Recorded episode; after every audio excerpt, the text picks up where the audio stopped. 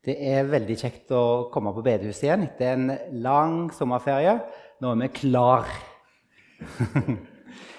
Eh, jeg er ikke klar for eh, det været akkurat nå utenfor med regn. Det kunne godt, egentlig kunne jeg bodd i California. Det hadde vært fint for meg.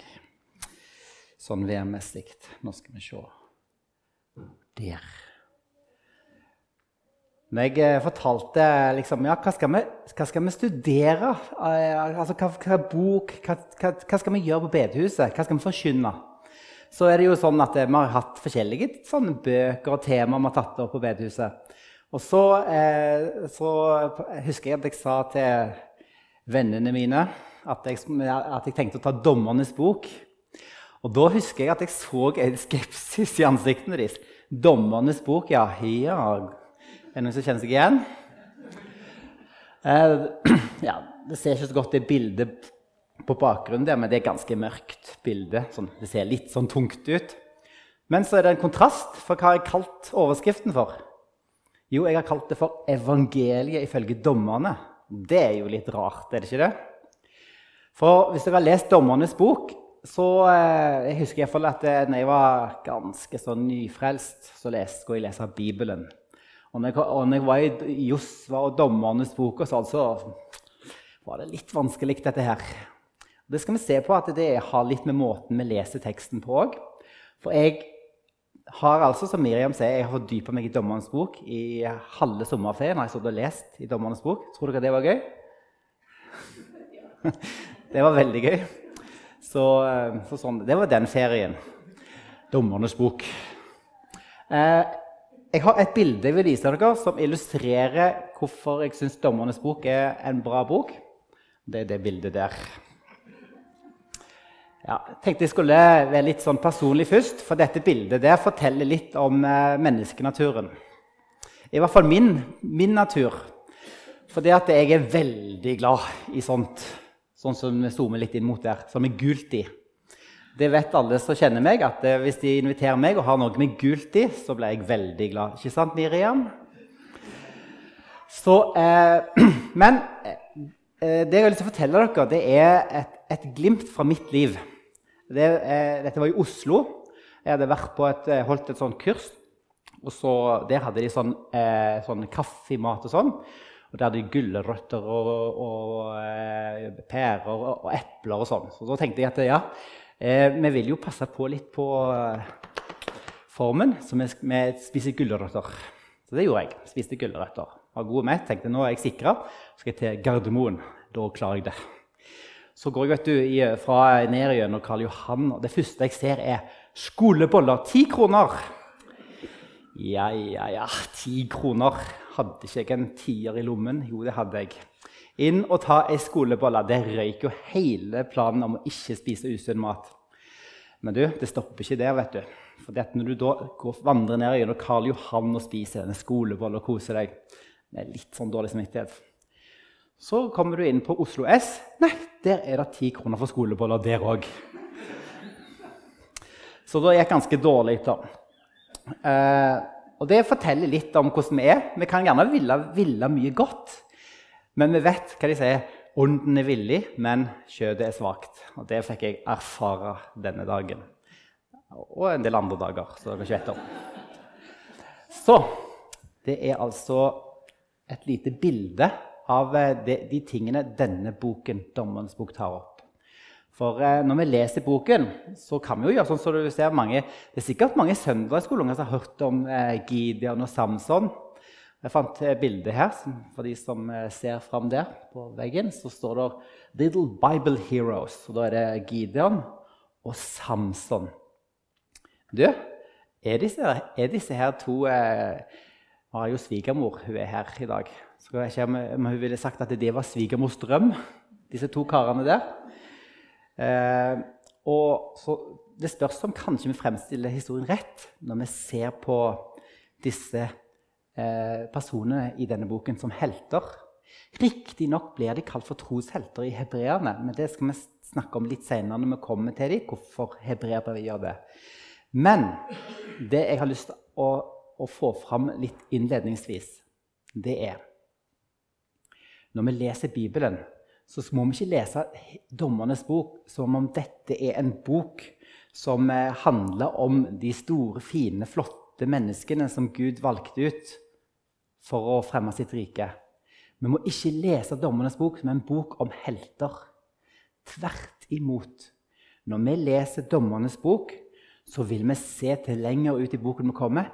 Det blir bare verre og verre og verre. Og til slutt er det så gale at jeg forstår ikke at de tekstene er det de snakker om på søndagsskolen.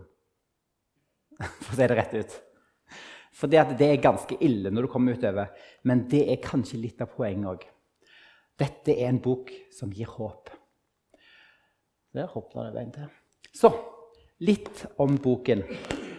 Eh, I Bibelen vår så står han skvisa mellom Josvas bok og kongebøkene. Samuelbøkene og kongebøkene. Eh, og teologer i Norge kristenteologer, de kaller det for en, altså en, del av de historiske bøkene. Mens jødene de kalte det ikke for historiske bøker. Nei, De delte Bibelen inn i tre altså gamle inn i tre deler. Det var Mosebøkene, altså loven, Toraen. Og så var det profetene.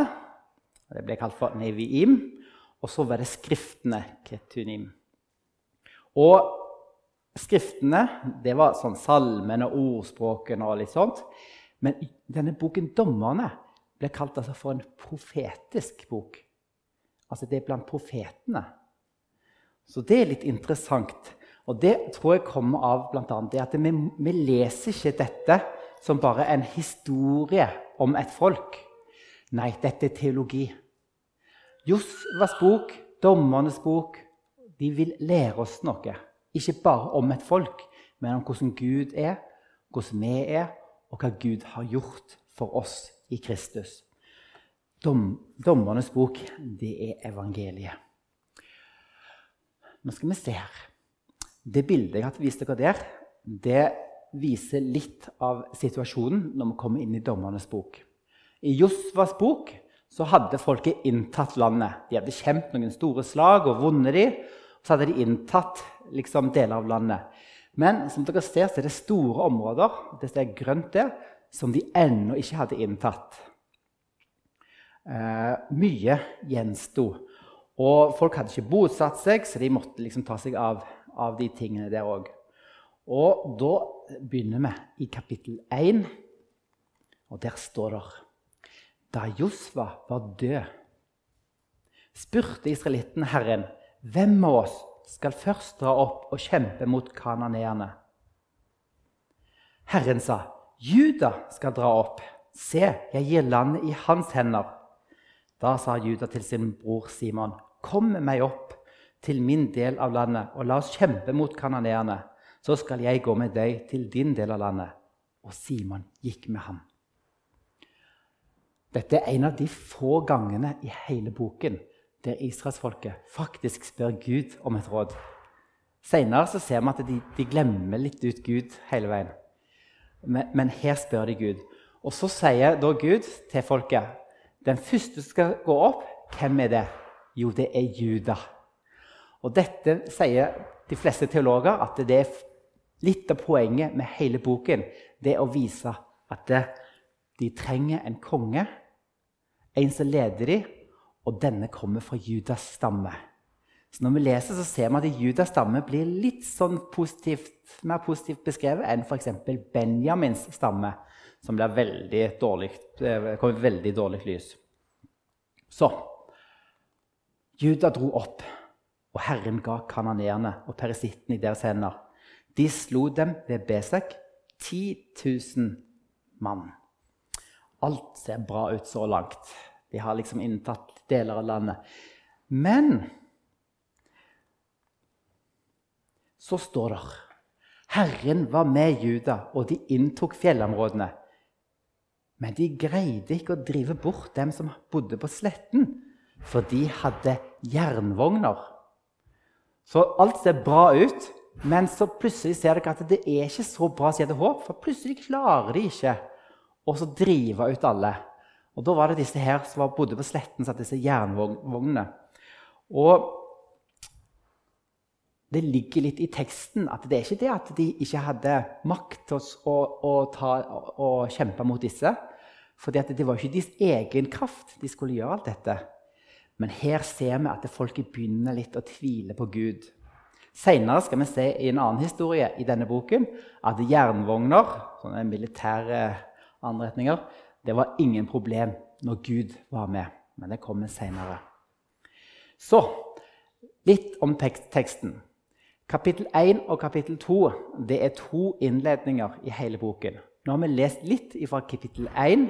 Vi ser at folk er på vei til inn innta landet. De klarer det delvis, men det er ett problem.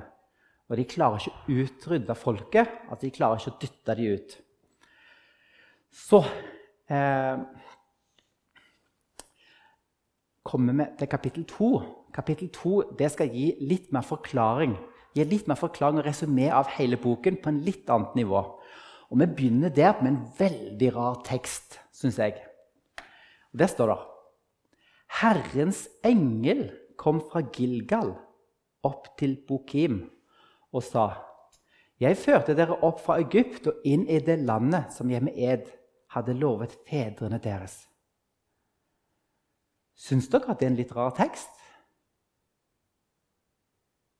Første gang jeg leste den, tenkte jeg ikke over det. heller ikke andre gangen. Men etter hvert gikk det opp for meg at det er veldig rart det står der.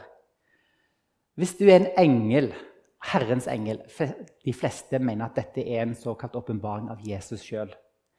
Herrens engel som taler på vegne av Gud. Hvis du er Herrens engel, trenger du da å dra ut på en liten vandring fra Gilgal til Bokim? Det er, en, litt usikker hvor disse stedene er, men sannsynligvis så er eh, Bokim det samme som Betel, hvis vi stoler på den greske oversettelsen av Det gamle testamentet. Og Hvis dette er rett, så har altså Herrens engel hatt en liten vandring nå på 15 km. Trenger en Herrens engel å gjøre det? Kan han ikke bare være der er de folkene i Bukhim? Nei, han må gå opp fra Gilgal. Og det som er litt morsomt der, det er at eh, dette gjør han for å vise folket et poeng. Herren, står det i Josfas bok. I Gilgal skjønner du, så var det sånn at det, når folk inntok landet, så stoppet de opp i Gilgal. Og der slutta Herren og folket en ny pakt. Altså de fornya pakten. Så det står i Josfas bok Herren sa til Josfa i dag har jeg veltet Egypts vanære vekk fra dere. Derfor ble stedet kalt Gilgal, og det heter det den dag i dag. Gilgal det betyr noe sånn som å rulle. Så når israelsfolket hadde kommet inn i landet, så stoppet de opp ved Gilgal. Og så Der hadde de en sånn, en, der holdt Josfa en lang tale og sa at nå må dere holde dere til pakten. Og så fornya de pakten med Gud han som hadde lovt, lovt Abraham all velsignelse gjennom sitt folk. All dette her ble nå fornya når de gikk inn i landet. Så hadde Herren rulla vekk hva det står, velta vekk Egypts vanære. Han hadde tatt de ut av Egypt, befridd de. Dette skjedde altså i Gilgal. Og det er derfor vi leste i verset her Herren kom fra Gilgal opp til Bokim. Det er for å vise paktens Gud, som har i sin nåde ønska folket sånn at de skulle få et eget land. Som har innslutta den pakten, folket. Han vandra altså fra Gilgal, fra paktstedet, opp til der folket var, i Bokim. Og der sier han Jeg skal aldri bryte min pakt med dere og dere skal ikke slutte pakt med innbyggerne i dette landet.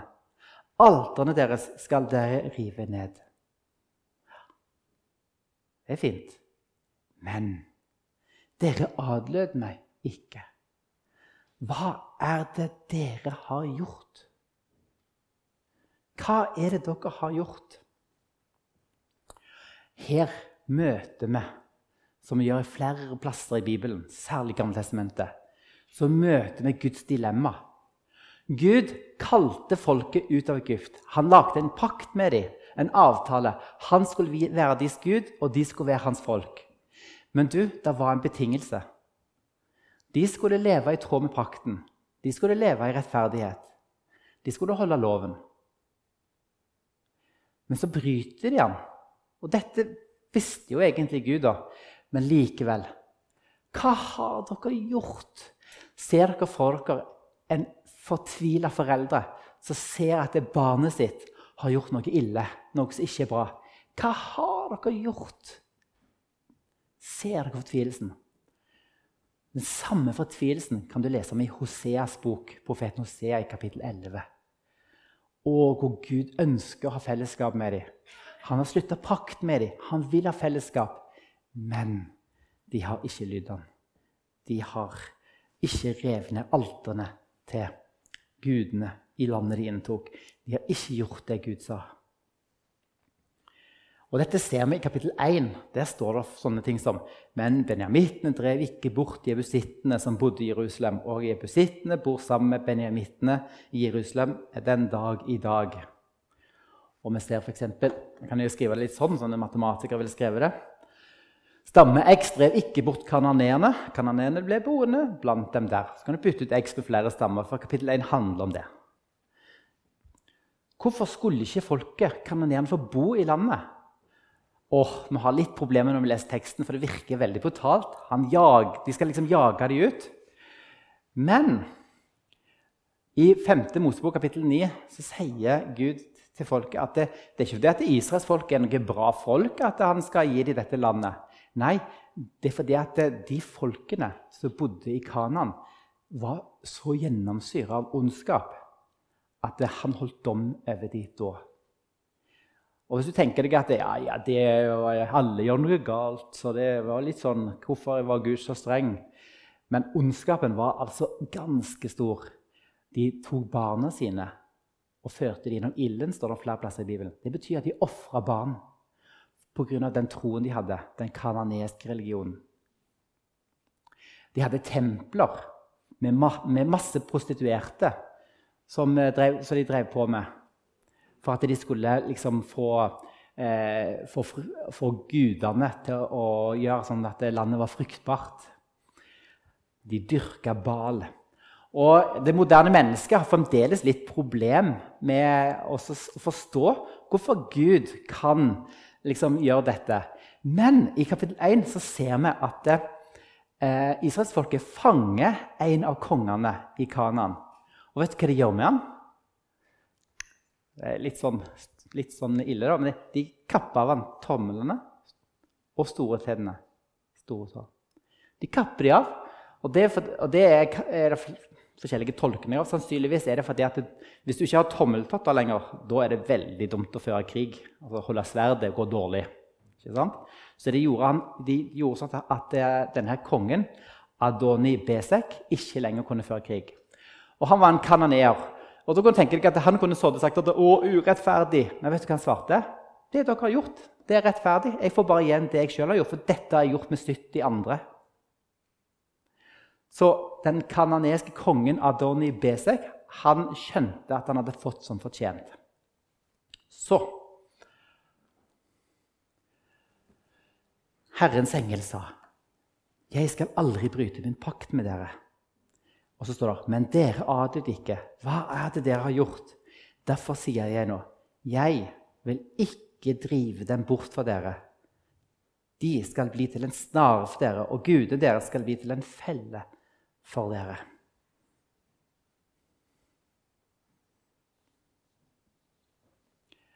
De skulle ikke drive folk ut fordi de skulle liksom eh, bli rike. Faktisk fikk israelsfolket beskjed om at, at, de skulle ikke ta del i eiendelene deres. De skulle bare brenne dem. De skulle ikke gjøre seg rike på at de inntok landet. For poenget var ikke rikdom. Poenget var at de skulle fjerne avgudsdyrkelsen som var der. Så ikke israelsfolket skulle bli frista til å dyrke disse fremmede gudene. Så står det da Herrens engel hadde sagt dette til israelittene, gråt de høyt. Derfor kalte de stedet for Bokim, og de ofret til Herren der. Bokim det er, betyr på hebraisk det betyr 'de gråtende'. Der satt de altså og gråt, for de hadde fått den beskjeden av Gud. Og så spørsmålet hva, hva type gråt var det? Gråt de fordi de var, en, var det en omvendelse de gjorde? Eller gråt de fordi de var lei, av at det, lei seg for pga. den straffen de fikk? Og Noen mener at det, det, er ikke, det er ikke nok med bare å gråte. Du må faktisk vende deg om. For vi ser at det, det ikke gikk så veldig bra med folk etter hvert. I vers 10 så står det Etter dem vokste det opp et nytt slektsledd som verken kjente Herren eller visste hva han hadde gjort for Israel. Da gjorde israelittene det som var ondt i Herrens øyne.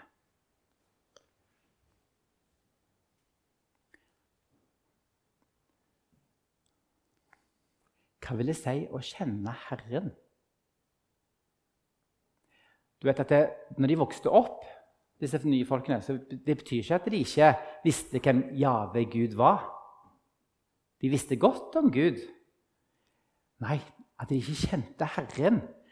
Det blir ofte sagt at, det, at å kjenne Herren det betyr å, å, ha en intim relasjon med Gud. Ikke sant? Og Det er jeg enig i. Men det ligger mye dypere enn dette i det å kjenne Herren. Og hvis vi leser Nå skal jeg slå opp i Jeremia, kapittel 31, vers 31 og utover, så står det litt om dette med å kjenne Herren.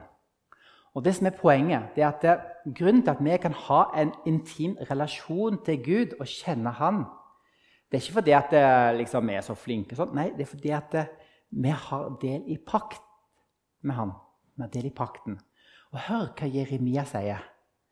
Se, dager skal komme, sier Herren, da jeg slutter en ny pakt med Israels hus og Judas hus. Ikke som den pakten jeg sluttet med fedrene deres den dagen de tok ham i hånden. Jeg tok dem i hånden og førte dem ut av Egypt. Den pakten brøt de, enda jeg var deres herre, sier Herren. Men dette er pakten jeg vil slutte med Israels hus i dager som kommer, sier Herren. Jeg legger min lov i deres sinn og skriver den i deres hjerte.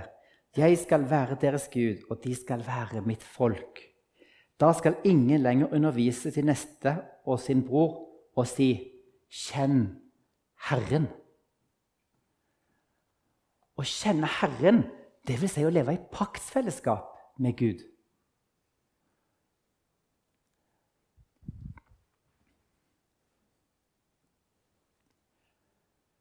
Men folket glemte Gud.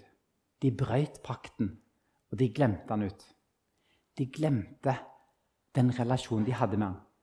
Og Nå må vi være litt forsiktige med å se på israelsfolket som sånn at de liksom eh, var med Josva, alt var fint. De holdt pakten med med Josva. Så dør Josva, og så, og så, plutselig Nei, da er det bare hedenskap. Nå er det bare baldyrking og alle slags avguder. Å nei, du, det er ikke det som er problemet deres. Problemet er at det, ble dyrking av Jave Gud og dyrking av Bal samtidig. De trodde de kunne gjøre begge deler. Så litt sånn, Når du ser, leser utover, så ser du at det, ja da, de går til tempelet og de holder litt disse tingene. Men i tillegg så holder de seg til de andre gudene. Og det går dårlig. Det går veldig dårlig. De hadde glemt hva Gud hadde gjort for dem. Og så sitter vi i dag i eh, 3000 cirka år, over 3000 år etterpå. Og så tenker jeg ja, ja, det var jo dumt for de. Men hvordan er det med oss? Dette er ganske alvorlig, for at, eh, vi trenger å minnes om dette, vi òg. Virkelig.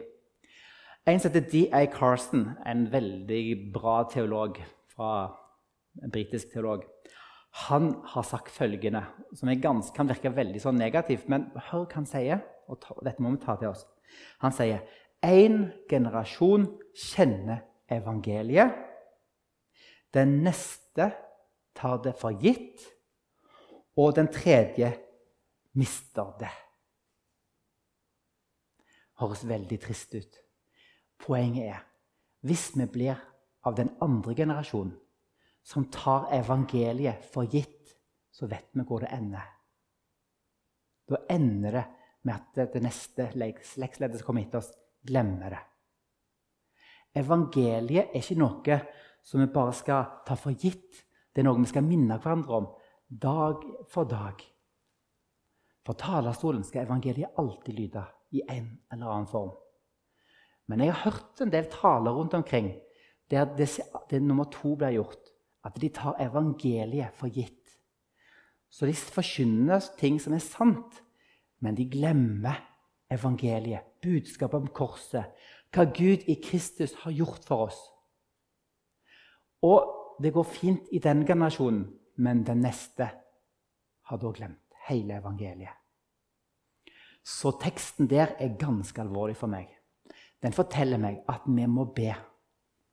Vi må be for søndagsskolelærere som forkynner evangeliet for ungene. Vi må be for de som taler på talerstoler og andre plasser i forsamlinger. Vi må be for familiene i forsamlingene våre at de må forkynne evangeliet for ungene, for generasjonen som vokser opp. Vi må alltid minne hverandre på evangeliet, hva Gud har gjort for oss. Og hvis du tenker deg om, så har Gud gitt oss ulike måter å minne hverandre om dette. Han har gitt oss Skriften, og at vi skal forkynne evangeliet for hverandre. Men han har også gitt oss nattverden som en måte å minne oss evangeliet på. Gjør dette til minne om meg, den nye pakt i Kristus. Vi må minne hverandre om det. For Jeg snakket om disse skolebollene. Men poenget er at det, når jeg ikke klarer å motstå fristelser med skoleboller, så kan du tenke deg, hvis du ransaker deg sjøl litt, så er det mange fristelser som vi faller i. Vi klarer ingen av oss å leve etter, etter, det som Gud har som standard for oss. Og Når du leser utover i Dommernes bok, så vil du se evangeliet tydeligere og tydeligere. For på tross av at Gud har sagt at han ikke vil hjelpe dem til å rydde ut folket for dem, så plutselig så står dette. Da lot Herren det stå fram dommere som berget dem ut av hendene på røverne. Men heller ikke dommerne adlød de. På tross av at, hadde, at folket hadde vært ulydige mot Gud, på tross av de galne tingene, og det er så mye gale ting utover her Og det forteller oss at det er alltid håp, for det går bare verre og verre. Og det kan ofte føles som oss sjøl òg. Det går bare verre og verre. Åh, jeg burde ikke ha gjort sånt. Åh, nå sa jeg sånt igjen. Åh, nå så jeg på det igjen. Åh, nei. Men mennesker er svake. Men det er alltid håp. Gud han hadde ikke forlatt folket. Han hadde latt det stå fram dommere. Du, er det en positiv ting?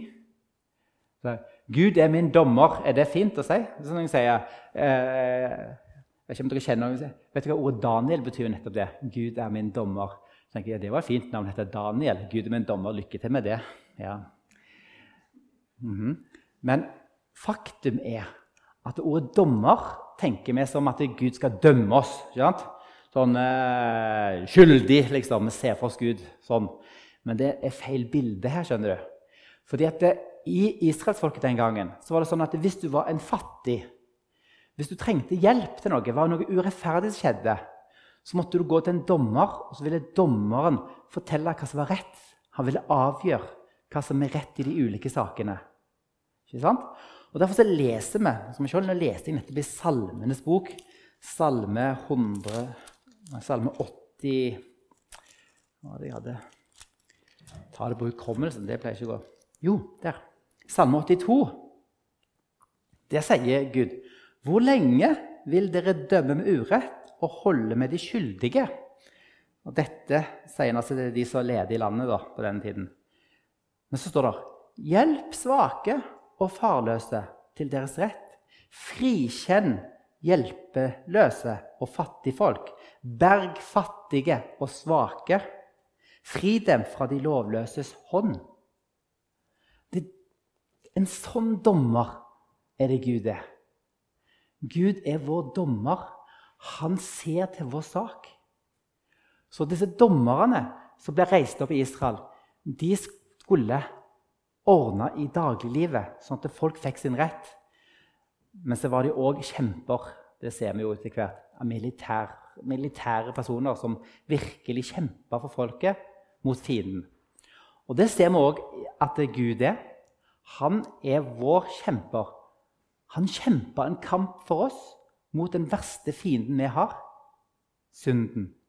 Den kampen vant han. Hvor henne? Han vant den på korset. Gud er vår dommer, er det beste du kan si hvis Gud er din venn. I Kristus så er du rettferdig, da. Da har du en dom som sier du er rettferdig. Ikke fordi at du er så flink, men fordi at Jesus har tatt på seg straffen. Han kjempa seieren, eh, vant seieren for oss på korset. Så når vi leser utover boken, så vil vi se at det kommer en såkalt eh, de kaller det for dommersyklusen. Den ser sånn, cirka sånn ut. Folk gjør opprør. Det går dårlig med dem. De eh, forlater budene og gjør ting som de ikke burde gjort. Gud, han, eh, Gud, er, Gud er, hellig. Så når vi synder mot Gud, det er ikke bare sånn god bestefar som bare ser nåde til. Liksom. Ja, det går så fint. Alle gjør galt. Men Gud han blir faktisk vred. Så får de en undertrykkelse av fiender. Gud slipper til fienden, sånn at folk blir undertrykt. Folk roper til Gud frelse ved en dommer som Gud reiser opp. Og det blir fred i landet. Og Så dør dommeren, og så er det på'n igjen. Og Sånn ser vi at det går i en sånn syklus gjennom dommerens bok. Kjenner vi oss litt igjen? 'Nå skal jeg skjerpe meg. Nå går det bra.' Nei, det gikk det dårlig. Å, vi vet evangeliet, og så er vi på'n igjen. Det er en sånn syklus minner litt om hvordan mange har det sikkert. Hver gang Herren lot en dommer stå fram hos dem, var Herren med dommeren og reddet dem ut av hendene på fiendene så lenge dommeren levde. For Herren fikk medlidenhet med, med dem når de sukket under dem som plaget og undertrykte dem. Herren hadde ikke gitt dem opp. Han hadde medlidenhet med dem. Det er faktisk veldig vanskelig for mange å forstå. Gud kan være vred men Gud kan elske oss samtidig.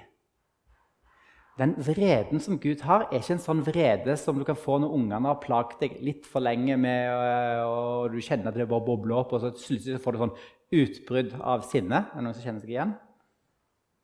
Nei? Ikke Kristin? Nei.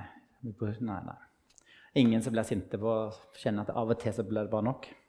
Nei da, det er ikke sånn. Gud han, er, han heller vrede over synden, for synd er ikke bra. Men samtidig så elsker han oss. Han viste medlidenhet med dem. Og så reiste han opp disse dommerne. da.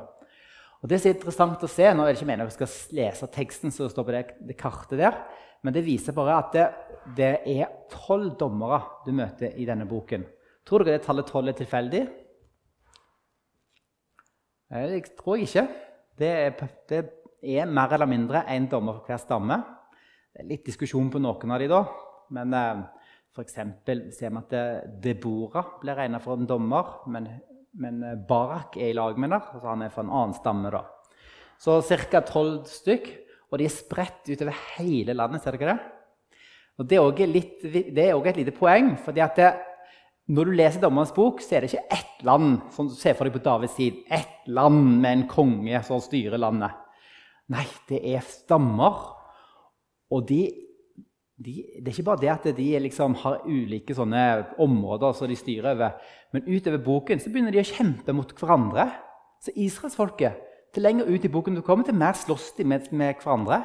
Så det går ganske dårlig med dem. En annen ting er at du får inntrykk når du leser boken, at det er sånn kronologi. Vi starter med den første dommeren, heter Otniel er fra Judas stamme. Tror dere det er tilfeldig? Mm, nei. Eh, og så går du videre. Og så ser det ut som at liksom, den siste dommeren i denne boken, det er jo Samson. At det liksom er en sånn tidslinje som går sånn.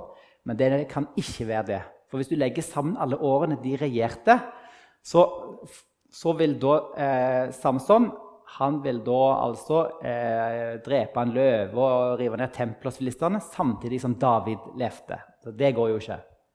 Så de overlapper hverandre, disse dommerne. Så de levde samtidig. Og Det er også litt av poenget, da, kanskje, for det er ikke ett forent land under dommernes tid. Det er et splitta land som har virkelig behov for en konge. Men så snart dommeren var død, falt de fra igjen og de brakte mer ødeleggelse enn fedrene hadde gjort. De fulgte andre guder og dyrket og tilba dem. De fortsatte å være trassig og gjøre det onde. Oh, mer ødeleggelse. Det som står der, egentlig at det gikk fra vondt til verre. Og Her har jeg tegnet det grafisk opp, sånn som jeg ser for meg eh, det der ser ut. Tilstanden i israelsfolket. Dere ser at eh, det kan gå dårlig så reiser folk en dommer opp, så går det bra. Men etter hvert som du leser utover boken, så går det bare ah, det går bare den galne veien. Så det blir, Til og med dommerne blir dårligere utover. Det er Samson som vi liksom ser for oss som en av disse heltene. Hva det han gjorde? Han la ingenting imellom og så dra inn til en prostituert og drive litt på der. Det står rett ut i Bibelen vår hvordan han holdt på. Og han var veldig glad i disse filisterdamene. Samson var ikke eh, svigermors drøm, håper jeg.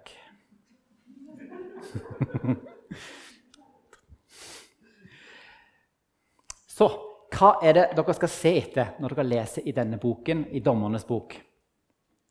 Jo, boken peker opp hele veien på én ting. Folket har behov for en leder. De har behov for en som styrer dem. I slutten av boken, i Dommerne 21-25, så står det I de dager var det ingen konge i Israel. Hver mann gjorde som han selv fant for godt. Står egentlig, egentlig står det i andre oversettelsene, som kanskje er bedre Hver mann gjorde det som var rett i sine egne øyne. Og hva er det boken vil vise? Jo, vi har behov for en dommer frelser og konge. De trengte en person som kunne berge dem fra alt det galne de gjorde. Alt peker denne boken fram mot, i første omgang mot David som skulle komme. Noen mener at boken er skrevet som en sånn eh, forsvar for David. Fordi at eh, David, hvem var det han var, rival, altså var rivalen hans først? Jo, det var Saul. Og når du leser boken, så, så er det som jeg sa, en stamme som kommer veldig dårlig ut, og det er Benjamin. Det er jo der som eh, Saul kom fra. Og når du kommer litt ut igjennom, så vil du komme til å lese om en plass etter Gibea. I, eh, og det var der, der Saul kom fra. Og der skjedde det ting som nesten ikke egner seg å si på en talerstol. Men det skal vi gjøre litt senere, kanskje. Så boken viser oss alle vi har behov for en frelser. Vi som israelsfolket er heller ikke Vi tar ikke se det svigermors drøm. Nei, vi har alle synda. Alle. Vi har alle gjort opprør mot Gud. Boken viser så tydelig at vi har behov for en som er vår konge. Vi trenger Jesus. Han er den alt peker på. Han er den Davidskongen som skulle komme fra Judas slekt så når du leser boken, så vil du hele veien se utover at alt peker på på den ene sida hvor håpløst det er, men på den andre sida det er håp. For Gud han vil reise opp en leder for oss, nemlig Jesus. Davids sønn. Skal vi be. Himmelske Far, jeg har lyst til å takke deg for eh, evangeliet. Takk, Herre, for din medlidenhet og din godhet. Gode Gud, jeg ber her at du må hjelpe oss, vi alltid kan minne hverandre om evangeliet. Hjelp oss så vi aldri tar evangeliet for gitt. Herre, jeg har lyst til å be for søndagsskolen her. Be at du må reise opp ledere, søndagsskolelærere der, Herre. At de må, må ha glede i det arbeidet, Herre. Amen.